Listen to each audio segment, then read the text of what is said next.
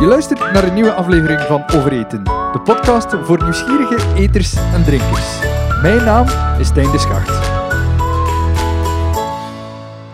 Welkom bij een nieuwe aflevering van Overeten. Er bestaat een soort tweeledigheid bij ons als het gaat over het Midden-Oosten. Enerzijds zijn we verzot op de smaken, geuren en kleuren, en anderzijds is het heel vaak moeilijk om de mensen uit die streek een plaats te geven.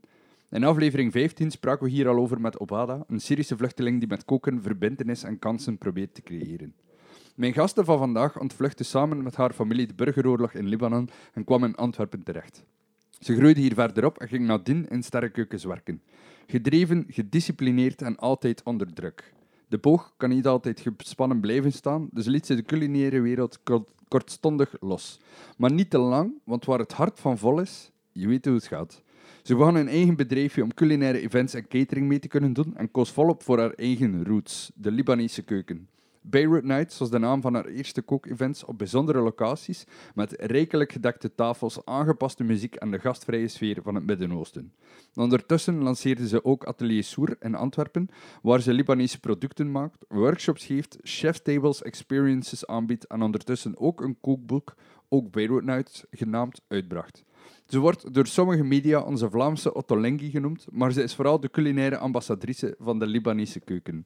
Jeno Wazi, welcome. Thank you. Would you agree that um, you are the culinary ambassador for the Lebanese cuisine here? Uh, yes, I absolutely would. Um, not that there's not space for anybody else um, to be an ambassador for uh, Lebanon, but for me, it's a personal mission to represent uh, my country and to obviously um, share my recipes and uh, share our culture through these recipes. But my specialty as a chef has always been classic French and uh, modern cuisine. Um, so it was a very difficult choice for me because it's a completely different uh, technique, it's different presentation, it's a little less um, sophisticated, let's say. But I felt like with all the issues that my country has faced, um, it was my personal duty to bring um, my country to light. Let's um, rewind a little bit and let's get going back to the beginning because love for cooking usually is passed on uh, via your mom, via yes. your family. Uh, your grandmother, uh, yes. probably, I've read in interviews, also has yeah. a big role to play Absolutely. in how you appreciated food. Um, in one interview, you mentioned that you were uh, peeling garlic at the age of four. Yes. Uh, so were you always present in the kitchen? Absolutely. Um, I grew up, especially, I mean, with my uh, mother. Um, we lived in uh, Sierra Leone before we came to Antwerp. So it wasn't um, uh, directly escaping war, but we've, as Lebanese people, as many Lebanese people, have been unable to live in Lebanon due to the 16 years of uh, civil war. So we lived in uh, Sierra Leone, and my father had um, found his success over there with trading, like many Lebanese people. And um, so the women in my family, because of this uh, constantly moving around, they always brought uh, home and atmosphere to wherever we lived. And so the lady of the house, be it the grandmother or in my case, my mother, um, would know how to cook everything. So from classic French uh, recipes to Indian dishes. Sierra Leone was um, colonized by the British people. So we have we have all these influences and i grew up with all of these flavors and i grew up with a mother who could you know clean an entire cow uh, with i mean with assistance but she i mean she could debone everything. So i grew up seeing all of this you know and tasting and and so it was a huge inspiration. It wasn't an inspiration for the other women in my family so but for me i saw such power in as a woman being able to bring together so many people friends and family and on a weekly basis that i aspired to be like these women. Um, and so that was the start. That was the start. So then later on you grew up. It stuck with you Um, you didn't do uh, a culinary school, but you No. did end up working in restaurants. Yes. Um, did you just knock on somebody's door and Yeah. go like, "Hey, um, I know I don't have any qualifications, I but I, I still want to work here." I said I had some qualifications. I was like, "Yeah, I worked in a restaurant in Lebanon," and he was like, "Really?" I said, "Yes, yes, I worked in a. li- Uh, I had never worked in any restaurant actually. Um, it was a restaurant called Minerva." And um, the owner, uh, the owner's father was someone which I found out later that was uh, giving out the Michelin star. So you can imagine the level. And we had like a very old equipe of uh, classic French. So these, and every time I talk about it, I have uh, goosebumps because I worked with a chef that has uh, worked uh, with Bocuse and Alain Ducasse, and he's done, you know, everything you can imagine. So, and he would turn his ice cream twice a day. So, for both services, he was a perfectionist. And every evening, he'd be on his knees in his fridge, cleaning every corner. So, um, I mean, it's not only cooking I learned with him, I learned uh, respect and I learned how to become more humble, actually. For me, it's um, it's very personal being a chef. Did they ever find out that you didn't work in the restaurant? Ma- I mean, Lebanon? maybe now when they, when I mean, I think they found out when I was learning because I had to learn being in a kitchen with other chefs that had been to Kokzada and other great schools. Um, everyone knew the classics: how to make a pomme chateau, uh, how to clean duck, and and um, so I had to learn it there. But when you say classics, these are the classics for French cuisine French, yes. or French-based cuisine, Yes. uh, like we have here in Europe. Yes. It is probably very different from basics and classics in Lebanese cuisine. Absolutely, but when you know your as a chef, when you know your classic French uh, cuisine, it actually, in my opinion, professionally, it starts from there, where you learn how to make a stock. In Lebanon, obviously, we have different flavors in our stock, but we use that stock as a base uh, to cook rice uh, or to use in French cuisine. Maybe they would use it uh, in a sauce, or they would use it uh, to to to cook the potatoes whatever but you're you're taking flavor out of something putting it into something else and and that's where the i mean the richness comes from classic french cuisine in my opinion. So it was a very important step that i took.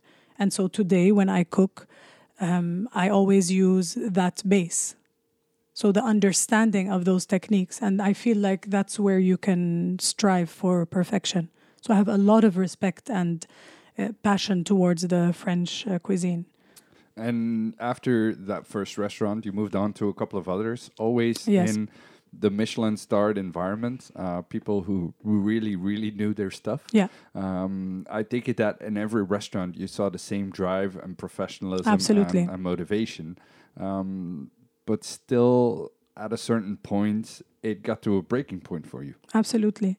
I saw it. Um, what I saw in the first restaurant, so in the classic French, he they didn't want a star. He was a disciple of Escoffier, and their aim was never to have a star. It was a perfection. They they cooked for the top, and they still cook for the top in uh, Belgium, but the aim was never to have a star.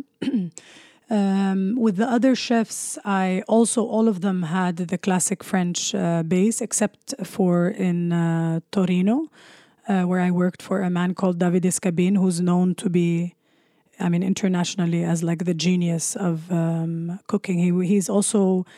Um, it, I, I started to learn about a different uh, mindset while cooking. It became something else very interesting. But the breaking point, going back to your question, came because I had reached uh, almost 30, the classic, you know, I'm a woman, I live in the kitchen, which I love, by the way, but I thought it's pretty limiting if, if your life means that you will have to marry someone in the Horeca. Like I couldn't see, you know, I couldn't see. And I'm a person who, even today, and everything I do today is about being also present for my family. So I have my passions, um, but I also want to be present for the people around me because I also thrive on on And especially coziness. in the environment you're in, the, the, the Michelin starred environment, Yes. it starts early in the morning Yes. and ends late at night. And I love it. With, you know? little to no breaks Yes. in the middle. Yeah. Uh, if you want the traditional family time, it's very hard to combine. Absolutely. And it's also high stress. You know, I was uh, at an event a couple of uh, weeks ago, um, very high level uh, catering with fantastic chefs, but it's stress. You know, it's high, it's high level, but it the stress is insane. So I look at these people and I can jump into a kitchen like that and I fit in instantly, but because and it's nonstop. But I I look at them and I think, my God, I mean, there is no way you can live a healthy life like this. It's also very unhealthy because it's really a lot of stress. So I, I just made different choices based on all of those things.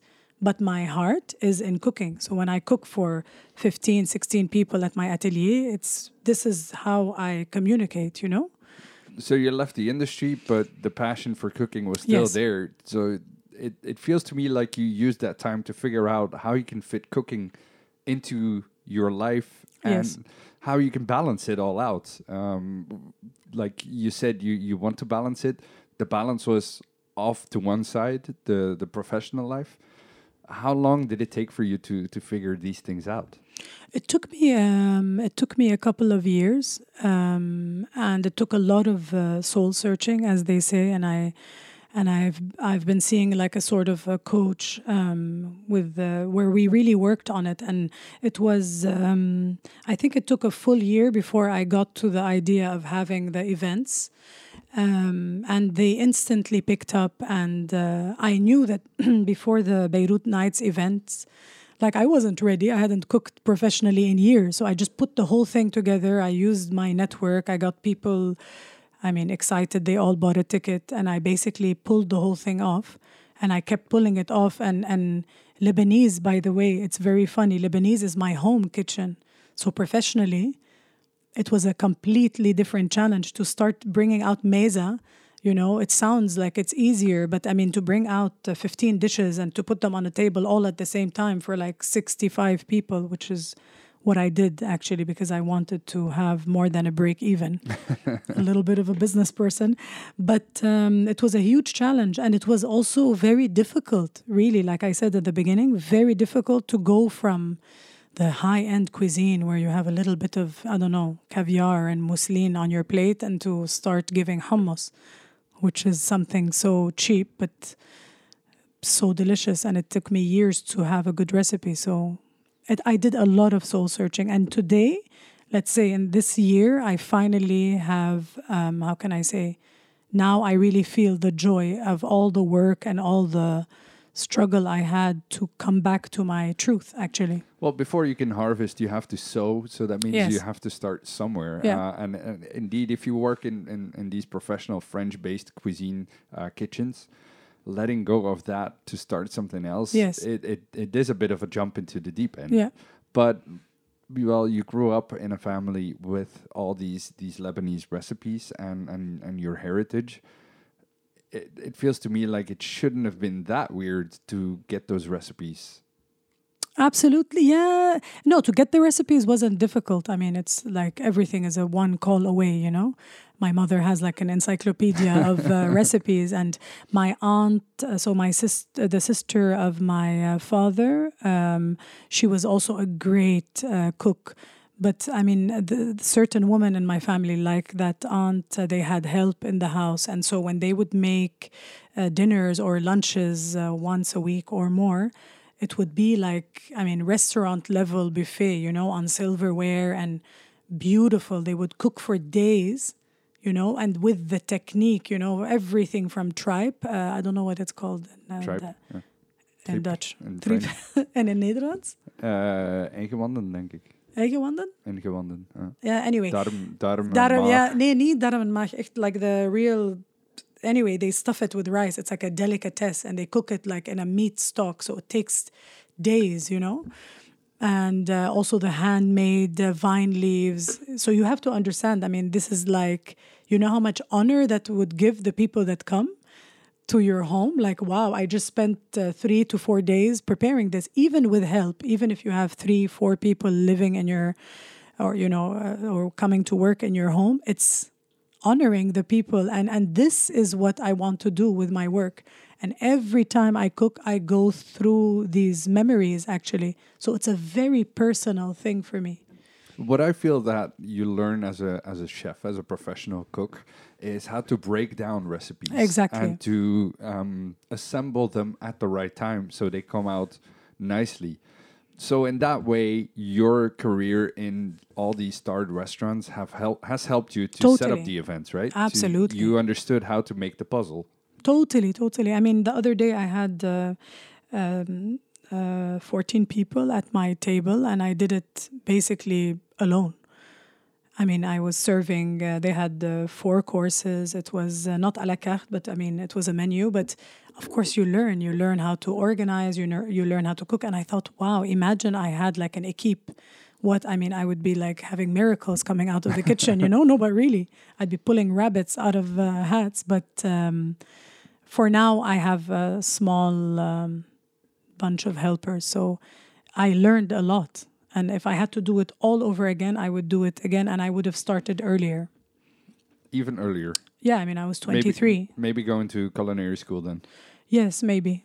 But I'm not a great uh, student. I get very bored. And I really, I get bored very easily. And I needed the action of a, Of a of a of a real uh, kitchen. Mhm. So Let's um let's talk a little bit more about the Lebanese cuisine because we've been talking about you for a bit. We know your ties to the cuisine itself.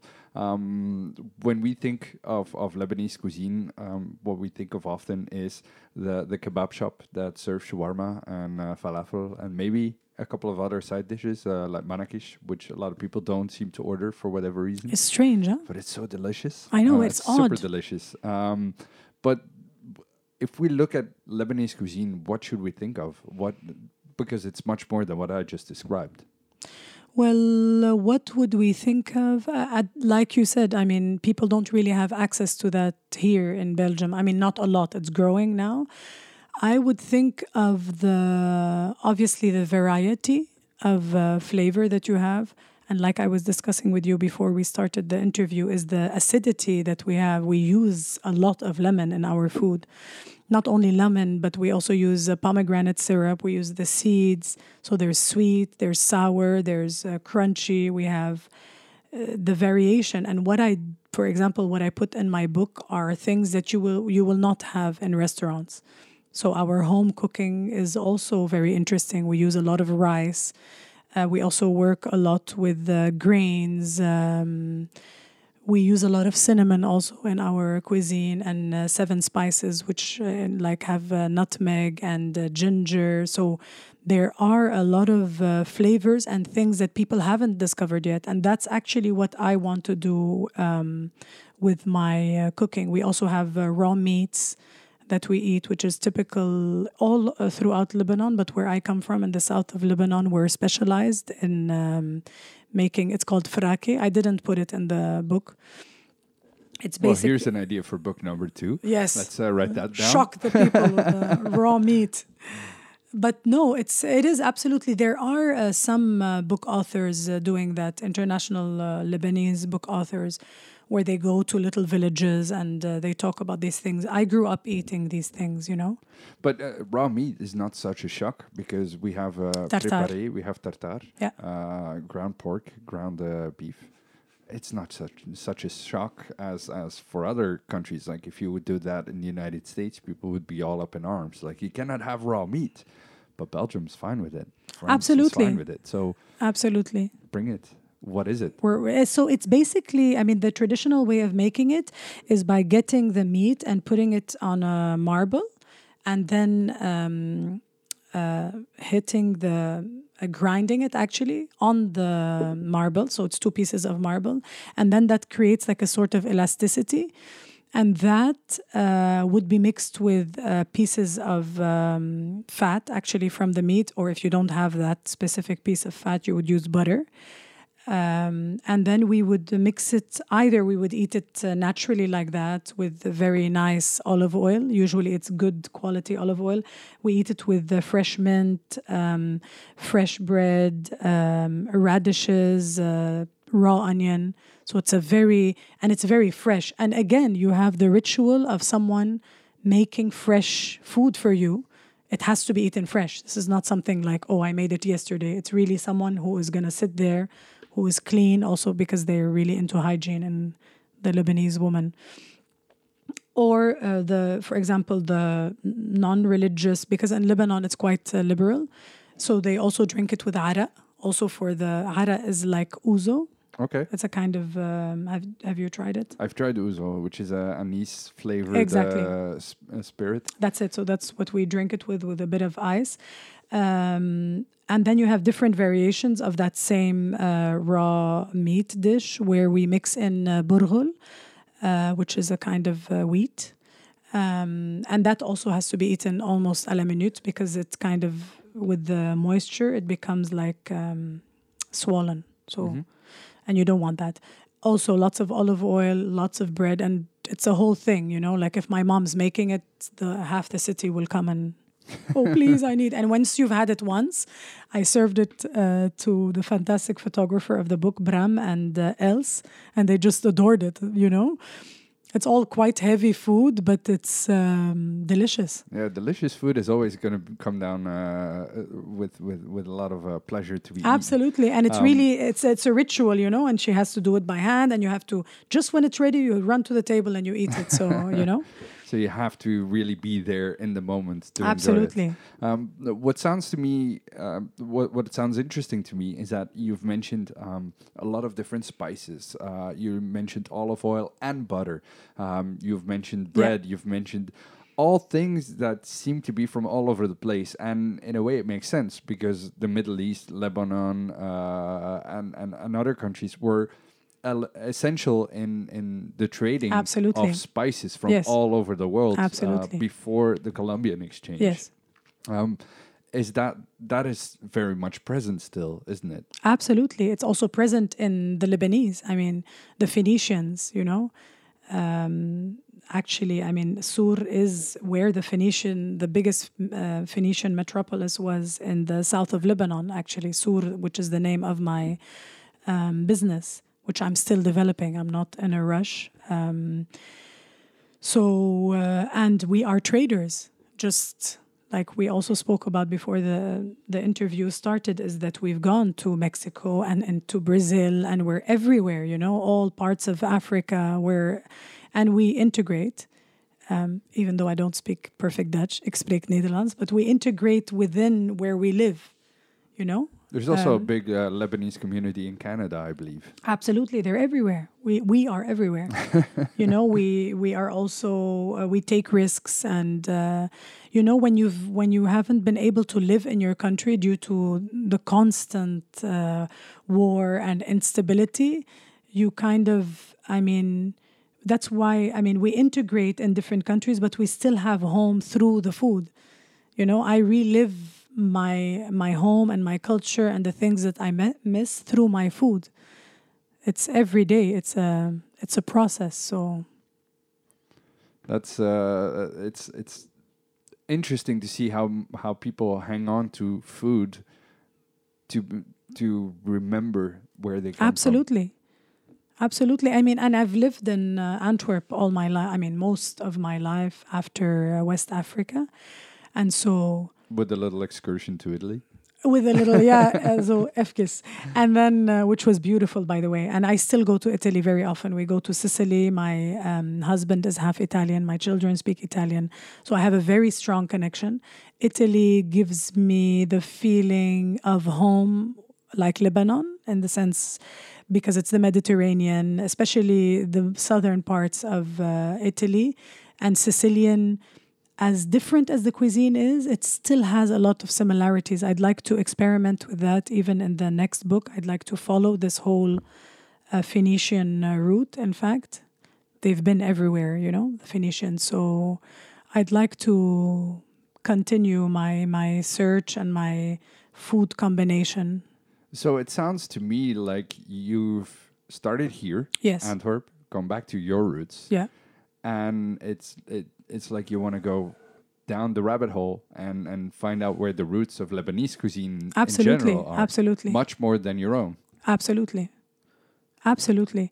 My roots are here. I mean, I can, my children are, uh, you know, half Belgian and, and, um, even I, like I said, obviously the French cuisine is very similar to the Belgian cuisine. So at home, I also make uh, stump and and uh, wurst and uh, apple puree and kip and croquettes. I know them all. You know, I know all the classics. I make, I mean, that's not very classic uh, Belgian, but I make bourre pâté, I make foie gras and terrine. I adore these things. You know, I, and mayonnaise and the frites and the properly made frites and the mossele. I adore that food. It's just that this is very personal on the sense that it's my roots, it's my heritage. And I feel like Lebanon needs this. With all the trouble we keep going through, it's needed. So there is a movement happening now with the younger generation of uh, Lebanese. It, it feels to me like um, for a long time, as I said in the intro, that people have kind of looked down sort Absolutely. of on, on, on, on migrants from Absolutely. Lebanon and, and neighboring countries. And your generation, younger generations are now, look, this is who we are. Fuck off. Absolutely. You're taking a stand. Like, this is who we are. This is what we have to offer, whether it's through art or through food. Absolutely. You're just somewhat taking control of the narrative. Absolutely. Um, and it's also something you've said in, in interviews before that you've stepped up to the plate because you want to represent Lebanon and you don't want somebody non Lebanese to represent Lebanon.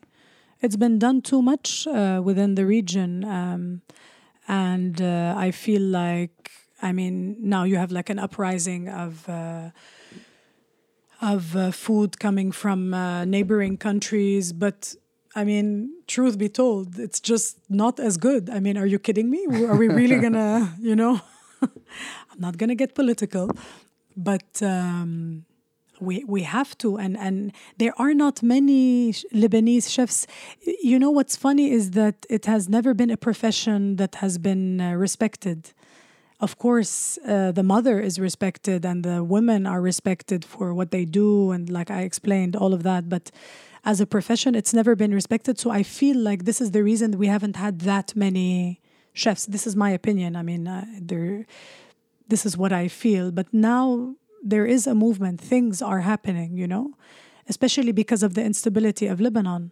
You know, I don't know how they will make it out of the the current situation. So, but but things uh, we we have to take matters into our own hands. Mhm.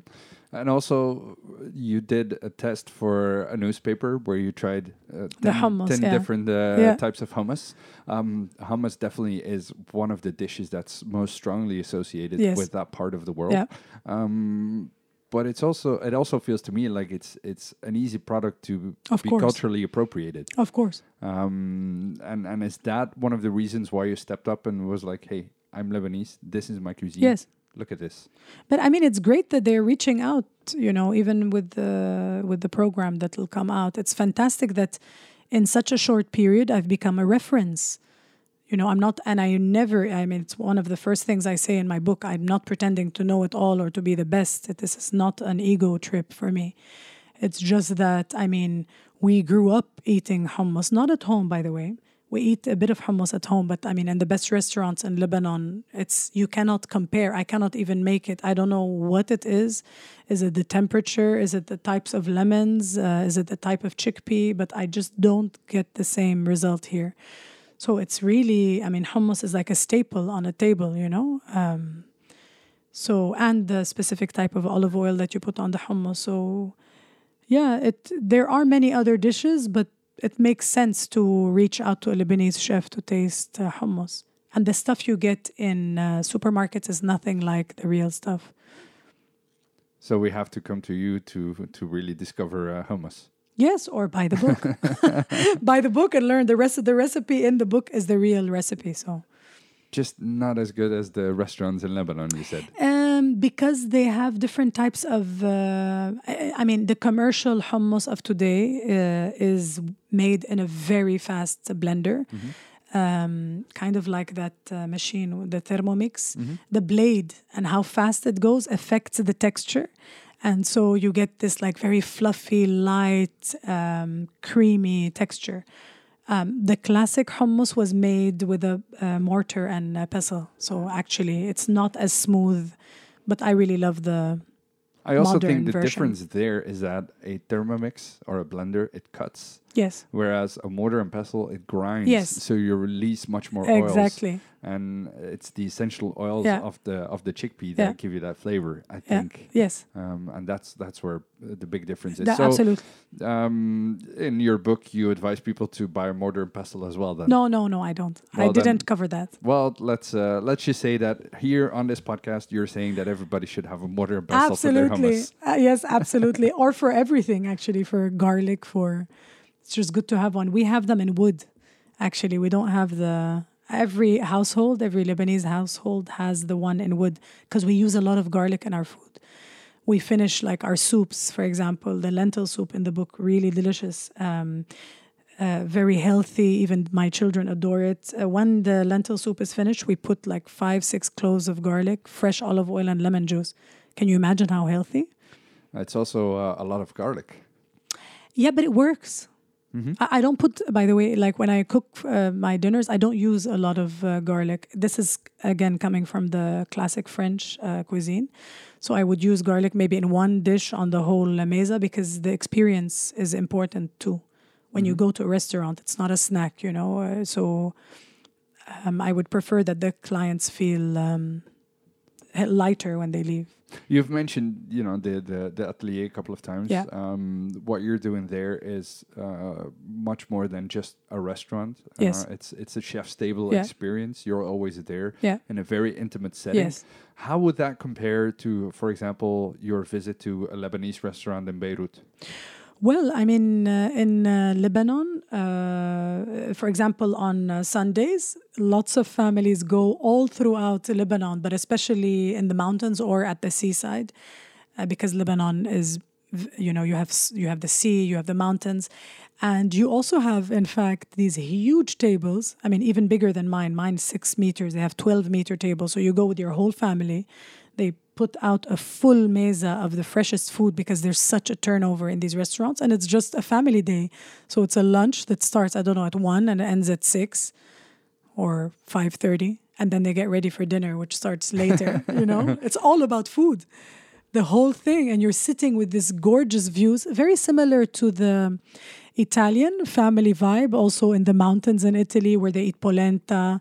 But i mean the richness that we have on that table i mean it's just uncomparable you know i just and that's when i also realized i thought wow okay i mean i've traveled i've met these chefs i've eaten in the best places but this kind of like wealth of sharing and this amount of like generosity you just don't find it anywhere else and the variation from the tabbouleh, the parsley salad, and the fattoush with the crispy bread, and the hummus, and the grilled uh, uh, aubergines, and the fried aubergine. I mean, you can't move on the table and you just eat and you share, and you know, my mouth is watering. Yeah, I noticed. I noticed. I'm just so hungry. I, I, I, I enjoy the, the passion with which you speak. It's, Yeah. It's, um, I mean, you know, it's not an easy job. You need to love it.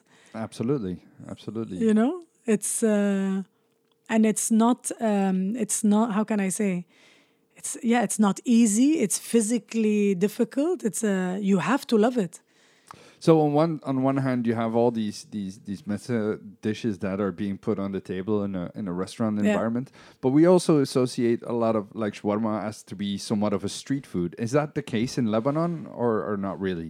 it is but i mean uh, a real real real shawarma is layered marinated meat so you need to know how to marinate the meat and uh, the way I do it is uh, I put a quick version there in the book, but it's with the seven spices, the onions, the right oil, uh, acidity, and you layer these good pieces of meat with a good fat uh, um, uh, content, and then you layer it on a uh, what's it called? Um, On the spit. on the spit. And then and then you slow cook the meat. So it's not like it's not kebab. It's not uh, processed meat a real shawarma is with a real uh, tahini sauce also.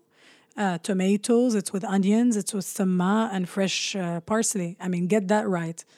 You know it's not just like a good burger. I mean hello It, You know? I mean, McDonald's sometimes is nice, but a good burger is a different Uh, thing. yeah i was just looking at uh, someone in Verna. i forgot the name but uh, i really Pickle, pickle. Yeah, I really want to check that. I saw the pictures. I was like, how far is it? Um, it's not that far from here, actually. Okay. No, it's half an hour drive. Okay. Ah, okay. I'll see if I can go. But so it's just a burger. It's not just a shawarma. You know, it's it's an art. just like falafel is an art. Cooking it in the right uh, oil and making sure the oil is clean, and even fritters are an art. Absolutely. You know, Absolutely. There's a, a lot of bad fries in the world. um, absolutely, but we've perfected it because we, we've got that attention to detail. of course. And it's it's similar to falafel. Um, for people that still don't know what that is, can you explain what falafel is? So falafel is made from uh, chickpeas that are not cooked, chickpeas and also uh, fool, uh, fava beans. I have to start to think what the name is. I, I will remember. And um, you can, so the Egyptians use both those uh, type of pulses. We use the chickpea. Uh, we mix it uh, with uh, parsley, coriander, onion, garlic. Everyone has their own uh, mix. And then you make them into little uh, balls in a special uh, falafel mold, which I sell on my website, by the way. uh, no, I mean, I'm not trying to sell it. I'm just saying you can buy that mold and you just put it into fresh oil, fry it, and we eat it with something called tarator, which is the same sauce that's served with the shawarma, which is basically tahini, lemon juice. If you want, you can add uh, garlic and a bit of water to th- uh, thin it. And it's eaten also with the flatbread. So that's falafel. And it's also a, a street food kind of uh, Absolutely. thing. So there, whenever you go in, in whatever city in, in, in Lebanon, You will are gonna find yeah. uh, plenty plenty of, Yeah. uh, of vendors. Yeah, you will find the falafel, you will find the shawarma.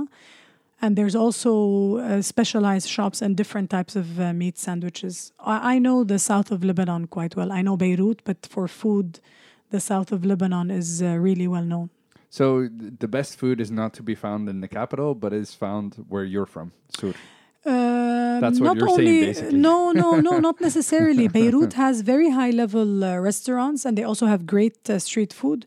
So no, I mean you find it everywhere, and like I said, in the mountains, it just you go to specific areas for specific things. You know, um, I know a great place for falafel, and I know a great place for uh, these kind of uh, very slow cooked uh, beef uh, sandwiches, similar to shawarma. Many people come from all over Lebanon to the south of Lebanon just to eat that specific sandwich. It's called fatayil.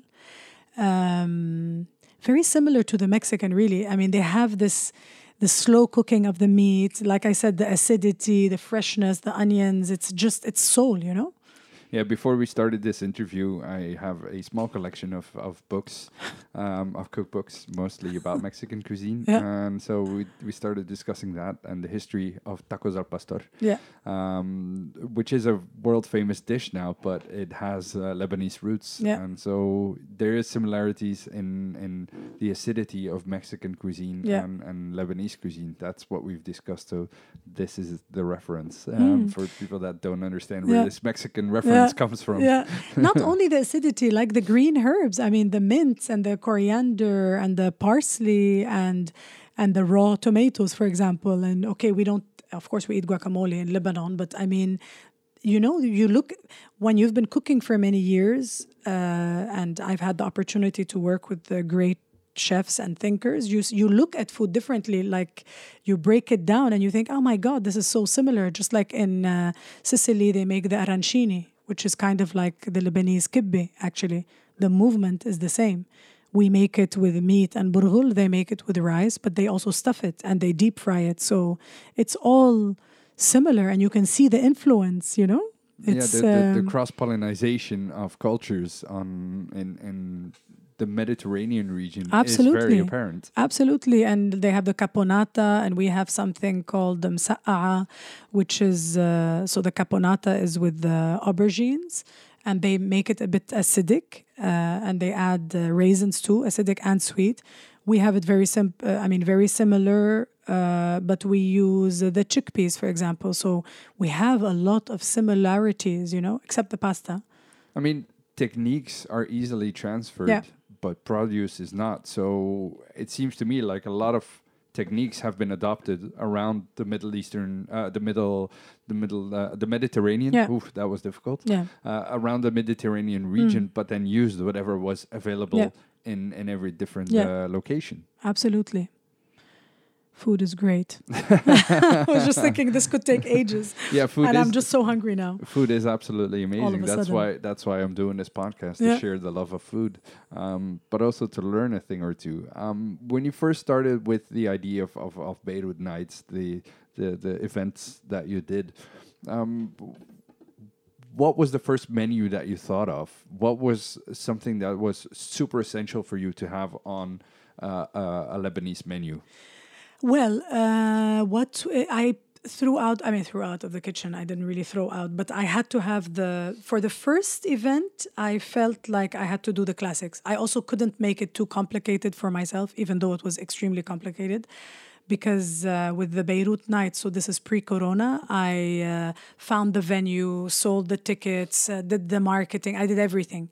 I got my a bunch of friends together that I used to work with in the Horeca, so you have to understand, and they all stepped in and I'm so deeply grateful to my friends that are still there uh, to do the tables. And I'm like, you do the table and you do this. And we still did something extremely professional, but there was just so much support and so much help and, and so much love, you know, even the people that came that, uh, yeah, I mean, of course, what was on the table was extremely important because I'm a chef, but it was also a concept that I was bringing out. It was also a relaunch of Rina into the cooking. Like, who is Rina and who cares? Like, so what you did 10 years in the kitchen? You know, who is this woman? You know, and I just felt like there, it was the right time. The Lebanese kitchen is coming out, and I thought, okay, I cannot see one more menu say Lebanese or say tabbouleh, and it's just not tabbouleh, and it's, you know, like, guys, stop, please. How often did that happen to you, where you stepped into something that said Lebanese and then you were Very very, often. very disappointed? Very often. Today, still, I mean, you, you want to sell something with, in food and you just put Lebanese. I mean, there's food chains going around calling themselves Lebanese. And again, I don't, uh, I have a, I have a lot of respect for everything in the Horeca. I don't go there and start uh, breaking down the menu and say, calling them morons. But I mean, you're calling it Lebanese, you know? Can we call it something else, please? It's not Lebanese, you know? Uh, so it's kind of like how every culture, the Italians, Belgians, everyone takes it personal, like the Belgian fries. I mean, they're not French. We're not, are you kidding me? You know? Italians and their pizza. Italian They and their take it very pizza and their pasta and the al dente and all of that. It's so important. You know, you don't. So for me, especially again, because of the connotation and because of the history and because of what we're going through, it's very personal. It's extremely personal and and there's a lot more to offer and I hope that it's shared with Mm-hmm. me and through other fantastic Lebanese uh, chefs.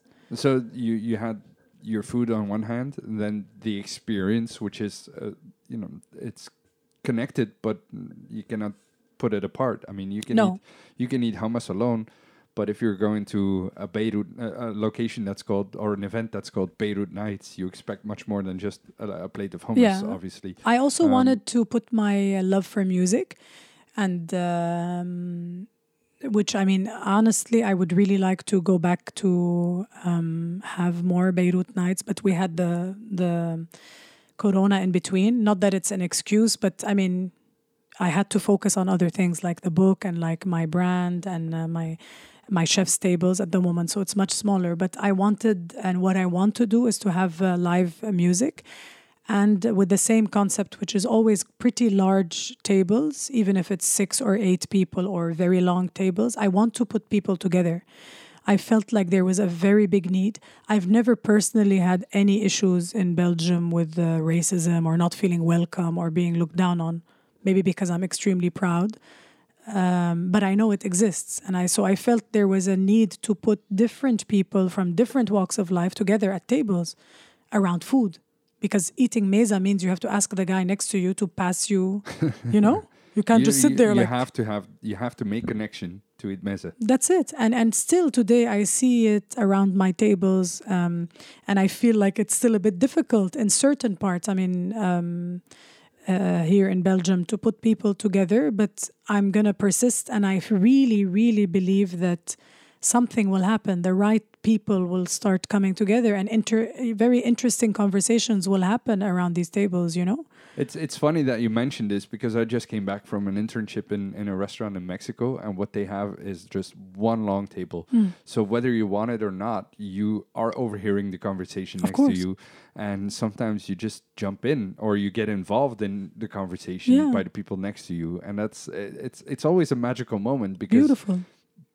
the food on the table breaks down that that barrier, that kind of shame that uh, that we have that to talk to strangers. course. Um, and it's it's always a beautiful moment when when that when that barrier breaks down.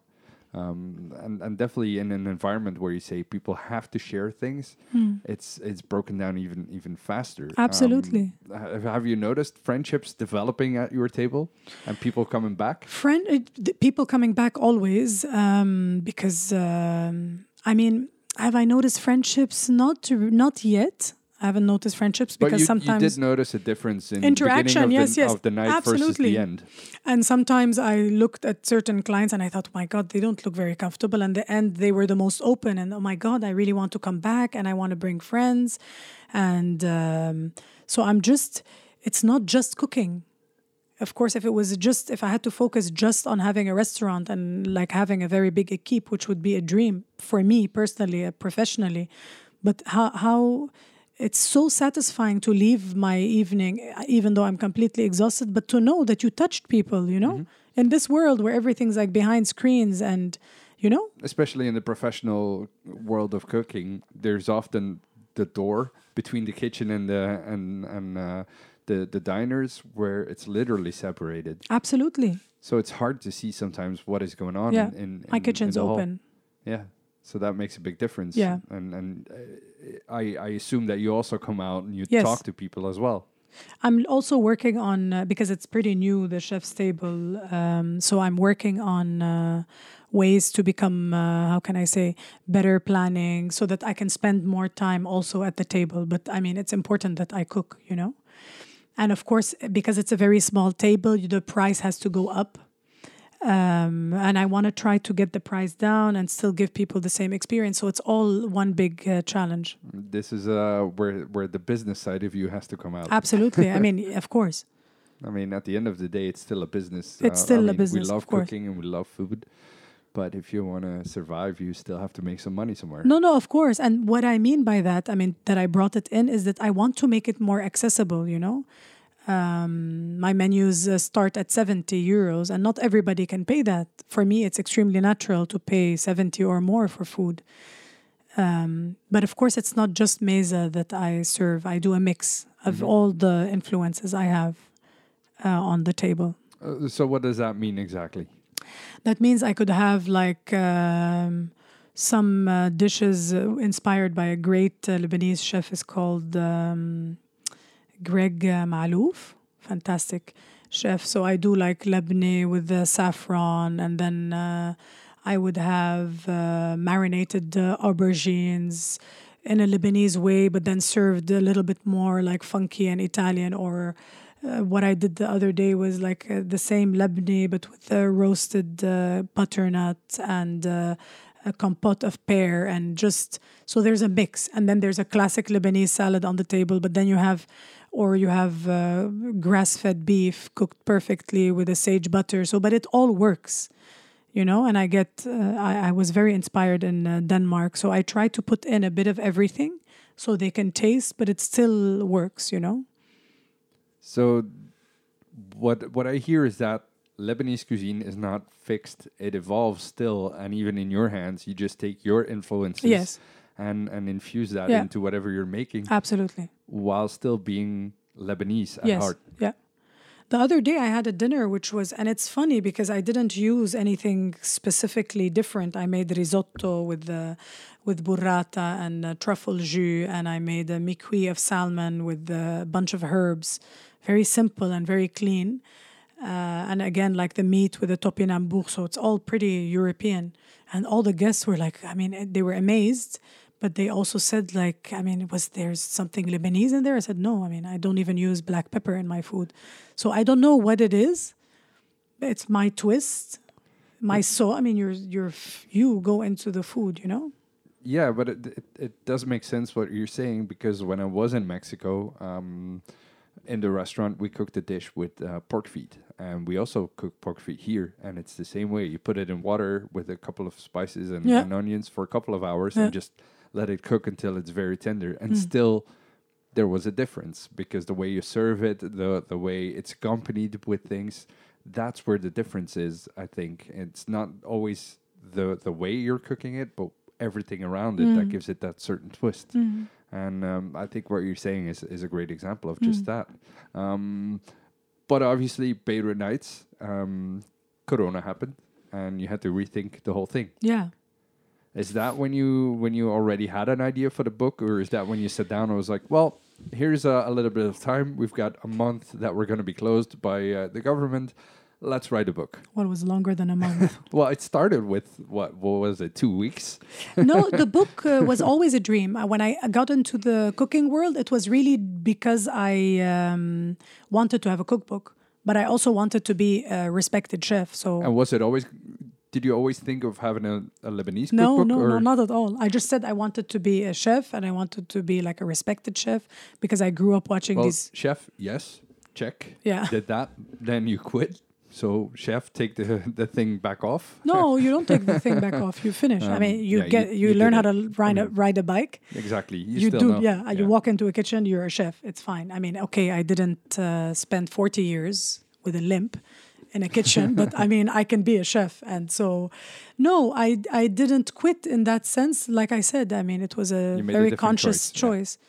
To focus on uh, family, but um, I was already thinking about it, and the book was always a dream. It was almost like a running joke with the chefs, like, "Rina, if you want to write a book, you don't need to go through all of this.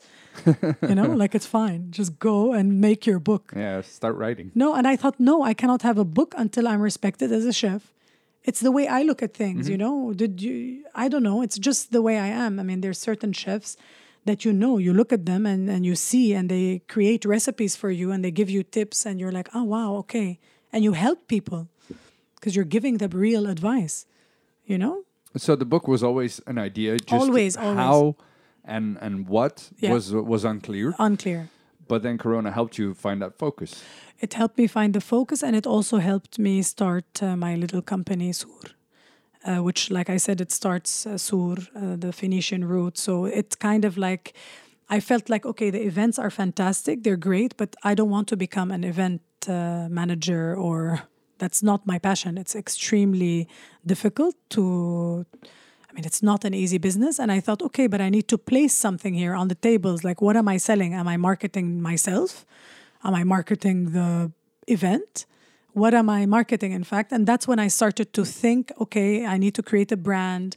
I eventually would like to have my products on shelves, Lebanese products sourced from Lebanon and some made here, you know? So that was, it's all part of the plan. And uh, then Corona happened, which helped me focus, actually. Because is that also the time when when when you focused mostly on sur?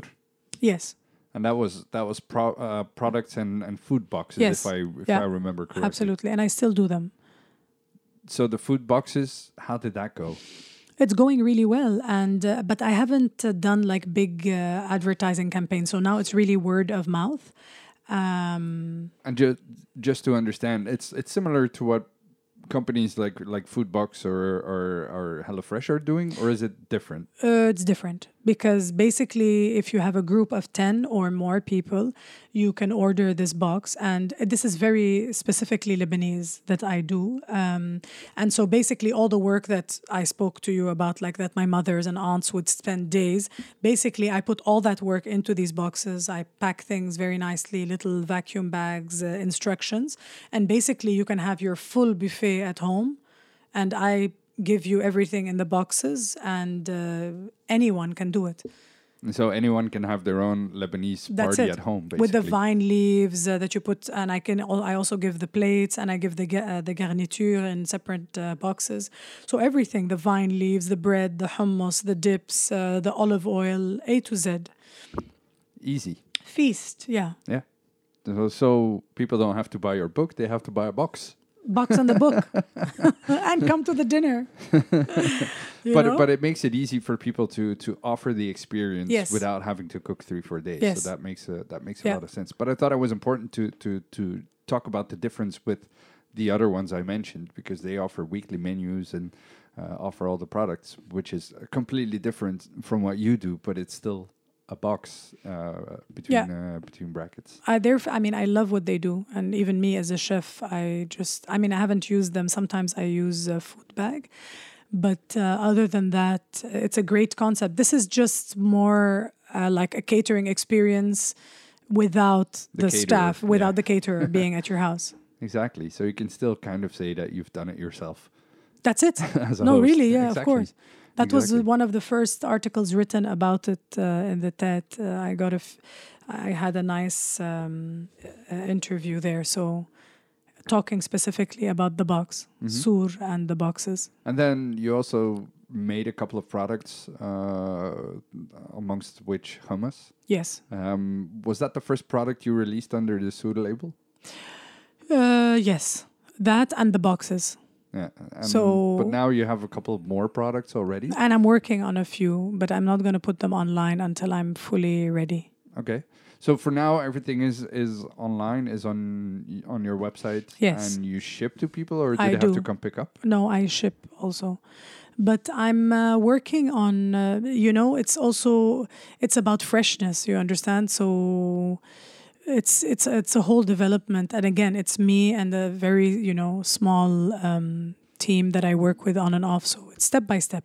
And the dream you said is to have your products in supermarkets. Yeah, That is uh, that's a big goal, I think. big. I like big goals. And maybe it's just another one of my fixations, you know, and maybe it'll end up coming out as something completely different. Maybe I'll be the one selling them and producing them. Because like in supermarkets you start to see these ethnic aisles Yes. uh, and sometimes what is in there is not exactly a good representation of certain cuisines so that's that's a big challenge to change that as well uh, but step by step it could work uh, Yeah. do you have do you have a, an idea of how to go about or is it still just a dream No, no, I've spoken to a lot of people. I have a lot of support, but it's a whole process. That becomes something completely different when you're giving over the production to big production facilities. Exactly because now you're making hummus in, in your, your atelier in, Yeah. in Antwerp. Yeah, if you want to do it for what is it, two thousand uh, Delhaize supermarkets, that's a different scale. Yeah, and I gonna- don't know if it's not gonna be hummus with your either. one Thermomix. Yeah, but I just don't even know if it's going to be hummus because I know that hummus changes after Yeah, an we're hour. just using it as an example, Yeah. uh, obviously. Um, it changes uh, taste uh, very so there's so many other things i would like to um, experiment with but the market also has to be ready. Mhm. and my aim with sur uh, and maybe you noticed on the branding is that i would like to be a gourmet. So there's mainstream and maybe that probably makes a lot more money but again like everything that i do it's just personal and what i love and what i appreciate are gourmet items you know like even if it's i I don't know if that's, that's chili sauce I think that's also yeah. This uh, yeah behind you is chili sauce. yeah okay so like even a chili sauce a good quality just one and yes you pay i don't know five times more but then you get a good chili sauce and i'd rather have one good product in a supermarket that can stay and you know Mhm. it's about like i said the heritage and the roots and to put yourself on the map I think it also ties back to how you worked in, in, in two Yes. Michelin star kitchens where you really started to appreciate product. Yes. Where it's not just about whatever salad is available, but the best Yeah. tasting salad. Um, I think that's a continuation of where you learn Yeah. things. How you And learn home. to look at, at the world, but Yeah. then exactly in a different type of environment. Yeah. And home Yeah. i grew up with foodies Yeah, yeah, yeah. everyone's a foodie in the family so you can't imagine the the talks So the, the talks are probably like, oh, but this farmer has better cheese than that farmer. Yes. And no, get the meat from there and uh, that olive oil, and it's very specific. It's beautiful. And you have that, and I find it so fascinating, and you probably see it in Mexico too, is that it's uh, there is refinement. I mean, even if the people um, they from all different walks of life, there is such refinement in knowing, like even someone who doesn't have that much money will know that they want specifically that olive oil. I mean, there's such culture in that. Mm-hmm. They know to buy the meat from there and to cook it specifically, and that it's beautiful. How refined, you know? Yeah. and that's what I find exciting. That's what I find exciting as well. Like finding the best product and then Yeah. showcasing the best side of that product is, is one of the, the. It's also about respecting the product because that's the best thing you can do to Yeah. it. There's nothing worse than having uh, um, a really good quality wagyu and then just cooking it uh, à point. Oh. It's, it's it's just not showcasing Yeah. what the product can do. It's not respecting the Yeah. product in a way. Uh, same thing with with getting getting high quality uh, uh, uh, vegetables and then burning them in the oven. It's you not, know, it's not showing respect to your product either. Um, true. so yeah, so there's um there's a lot of ideas. I feel like um, there's also an idea for a second book already. Um, Absolutely. the book's been out for a while now. How how did people respond to it? Did you expect that response, or was it better than what you expected? It was better, I think. Uh, it was better in the sense that it's not like I'm looking at numbers. Um, the, for me, the the amount of people that reach out and when I have a signing, the amount of people that show up, uh, the curiosity is it towards me? Is it towards our cuisine? I think it's like a mix of both. There's a genuine interest, and I find that. Uh, I mean, it's extremely satisfying. You know, I was in uh, Ghent a couple of uh, days ago for a signing. Uh, in Leuven, I had like a fully booked um, demo. I have three signings coming up. I mean, things are happening. I'm meeting a lot of different people. A lot of doors are opening. So it's a fantastic. Uh, it's a fanta- I'm very very pleased. I'm pleased with my publisher too. So. Um, So that's all going the direction you Absolutely, never hoped yeah. it would go. Even they they gave me also the freedom you know they didn't tell me you have to do this i chose the color i was able to you know i worked with a fantastic co-author. Her name is sophie peperstrate and uh, because i wrote the book in english and she translated it into dutch but also added her magic of words. She's a great uh, writer. And so all of this is just yeah i mean it's it's the wonderful project really. And and the next book i'm hoping to do more uh, dishes that are uh, let's say even easier. This was the classics the classic lebanese and i feel like maybe the second will have these uh, other influences that i'm that i spoke about during my dinners where there's like a mix again you know? But I think you have to start somewhere, and if you start somewhere, then the classics are always a There. good introduction. Yeah. Because you know some people say the classics never go out of style. That's it. They don't go out of style. You just use it as uh, you should have the book. You know, you want to learn how to make uh, Lebanese food. Just have the book, and um, Exactly. It's like in, in, in French cuisine, which you've touched on. You start with stocks. Yeah. And then you can go to everything else. But if you don't have a good basics, then w- what does it matter? absolutely, absolutely. All right. So for all the products and and, and more information on your uh, chef's table, people can go to the website Yes. surfood.be. Yes. I think. Yeah. Um, if people want to keep up to date with all your book stuff and everything else that you do, like uh, uh, signings, etc., etc., where can people find you? Usually on uh, Instagram. Most of my, um, I mean, uh, and the publisher themselves, like now the Standaard Boekhandel. Uh, and the bookshops themselves and the publisher usually advertise everything that has to do with the signings. Yep. So more information can be found on your uh, on your Instagram account. Yes. then. So that's which is on my name, Rina Bazzi. easy easy enough uh, to find. Yeah, hopefully. um, in the near future, what's what will make you very happy when it comes to Lebanese cuisine in Belgium? more restaurants more but more high-end restaurants. It's uh, like in london and in paris you have very high-end uh, lebanese uh, cuisine. And even more specialized like one lebanese place that makes a good shawarma but like really specializes in that. And i think it will take time and i'd love to see more uh, gourmet products on shelves you know that shows like uh, in the beginning you could find the regular pasta. Now you can find every type. And now you have even in the not the delhaize the other one uh, the carrefour you can even find things that you find on shelves that are bestsellers in italy. So it's fantastic. I love that. So it will take time. Um, but i believe that uh, these products should come from uh, Lebanon or come with the know-how from uh, Lebanon, just so that it can be shared properly. You know.